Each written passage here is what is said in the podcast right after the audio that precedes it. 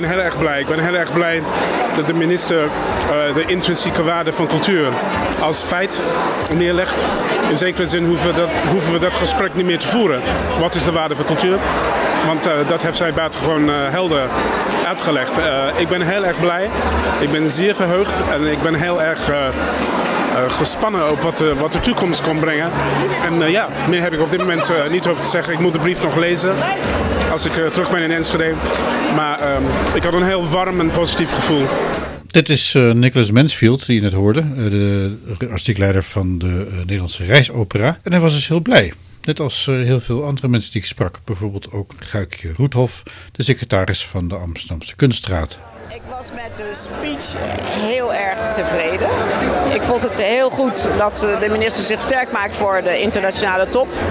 En dat ze dat verbindt met uh, jonge makers. Dus dat, dat dat dus in Nederland het perspectief blijft voor jonge makers. Dat ze naar die top kunnen, dat, die, dat ze door kunnen. Uh, dat is ook inspirerend en motiverend. Dus dat vind ik heel erg goed. Ik vond het sterk begin van het verhaal. Dat ze zegt, ons erfgoed is altijd internationaal geweest. Heeft altijd bestaan uit uh, die met elkaar versmolten zijn geweest. Dus dat is niet iets van, als je het hebt over erfgoed, dat het alleen maar kleingeestig, nationalistisch uh, de dorpsprop is. Nee, we zijn altijd, we hebben een rijke geschiedenis en die is altijd internationaal geweest. Dus ik was vanuit verschillende perspectieven heel blij.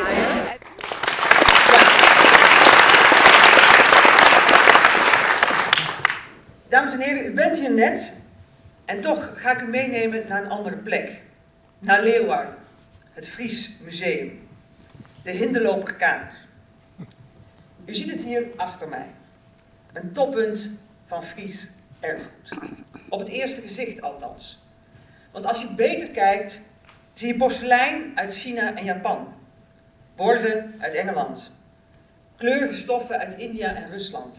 Kistjes uit Duitsland en de Baltische Staten. Allemaal mooie spullen die de hinderlopers hebben verzameld op hun tochten over de wereldzeeën. Ze versierden er hun huizen mee en richtten er pronkkamers mee in. Met hun bijzondere interieurs wilden de hinderlopers in die tijd zeggen: Kijk, dit zijn wij.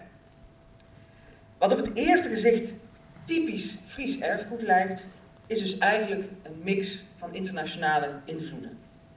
Wat op het eerste gezicht een homogeen geheel lijkt, is eigenlijk een samensmelting van de eigen cultuur met exotische invloeden. Van het vertrouwde met het nieuwe. En dat dan samen weer heel vertrouwd is geworden. Ik vind dat dus heel typerend voor cultuur. Essentieel eigenlijk voor cultuur. Dat in cultuur het vertrouwde en het nieuwe bij elkaar komen. Soms schuren, op elkaar botsen en vervolgens toch weer samenvloeien. Het is ook typisch voor Nederland. Een open samenleving, een land in de delta, waar met het water ook producten, mensen en ideeën instromen. Samenvloeien en weer uitstromen. Grenzeloos. En net zo min als de Maas zich bij Maastricht laat tegenhouden, stopt kunst en cultuur bij onze grenzen. U was zelf wethouder in Den Haag. Zeker, ja. ja. In een tijd dat het echt best wel moeilijk werd voor, uh, voor de kunst in Den Haag ook. Ja. Uh, hoe heeft u toen die tijd ervaren eigenlijk? Dacht u van, als ik nu maar een keertje aan de macht kom, dan...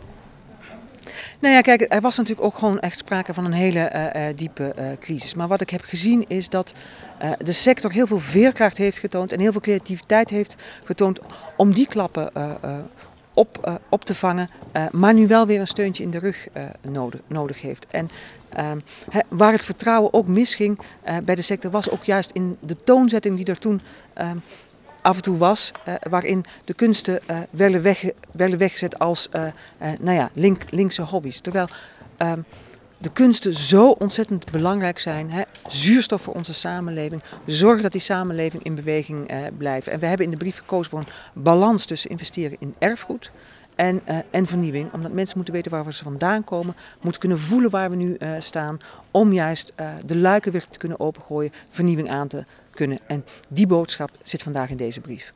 Nou heeft u natuurlijk een vergadering in het kabinet en dan een van de mensen die dus altijd linkslobby was, die is uw voorzitter.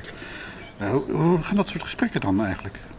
Nou, de, de, de brief is door het hele kabinet uh, omarmd en ik spreek hier vandaag ook echt namens het hele kabinet. Oké.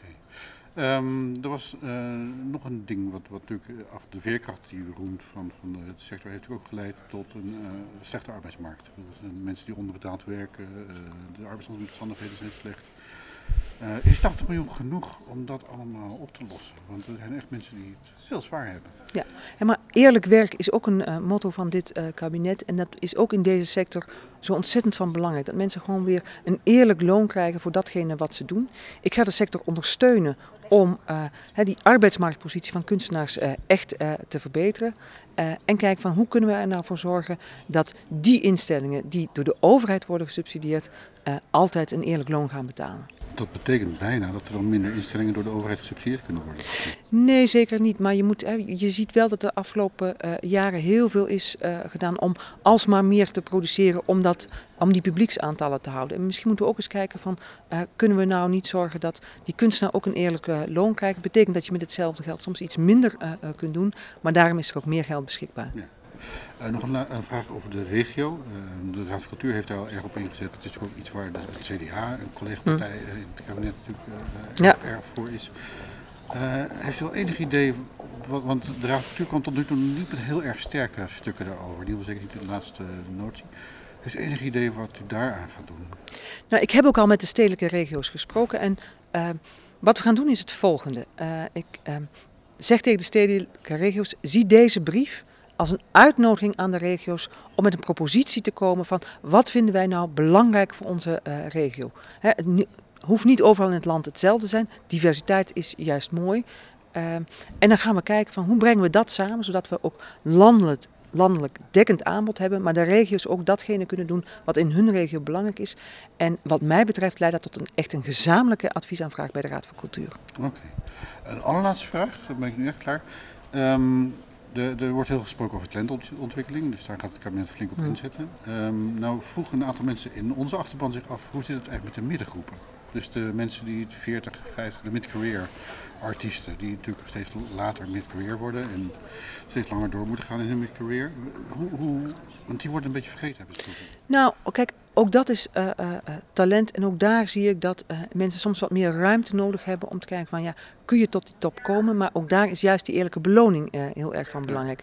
Dus aan beide kanten hè, stimuleren dat uh, voor iedereen met talent de top uh, uh, bereikbaar wordt. Kan natuurlijk niet iedereen, maar het perspectief moet wel daar zijn, de mogelijkheden moeten daar zijn. En dan is die arbeidsmarkt, die arbeidsvoorwaarden, zijn dan zo ontzettend belangrijk. Oké, okay, dankjewel. Dus zowel ik als jij moeten niet wachten op verandering, maar verandering maken. Laat ze je niet in hokjes plaatsen, titels en stereotypen zijn niks voor jou. Definieer jezelf wanneer je spreekt. Neem het hef in eigen handen wanneer je pen oppakt en schrijft. Jij bent de eigenaar van jouw lijf. Al ben je vol met gebreken, wees voller met passie. Wees niet te breken, wees niet passief. Wees de drager van jouw revolutie. Breng poëtische resoluties. Gebruik woorden als munitie. Want als de hemel je doel is, is het leven jouw auditie. ga nu de brief lezen. Misschien uh, dat daar nog iets in staat waar ik niet zo blij mee ben. Dat weet je niet. Oké.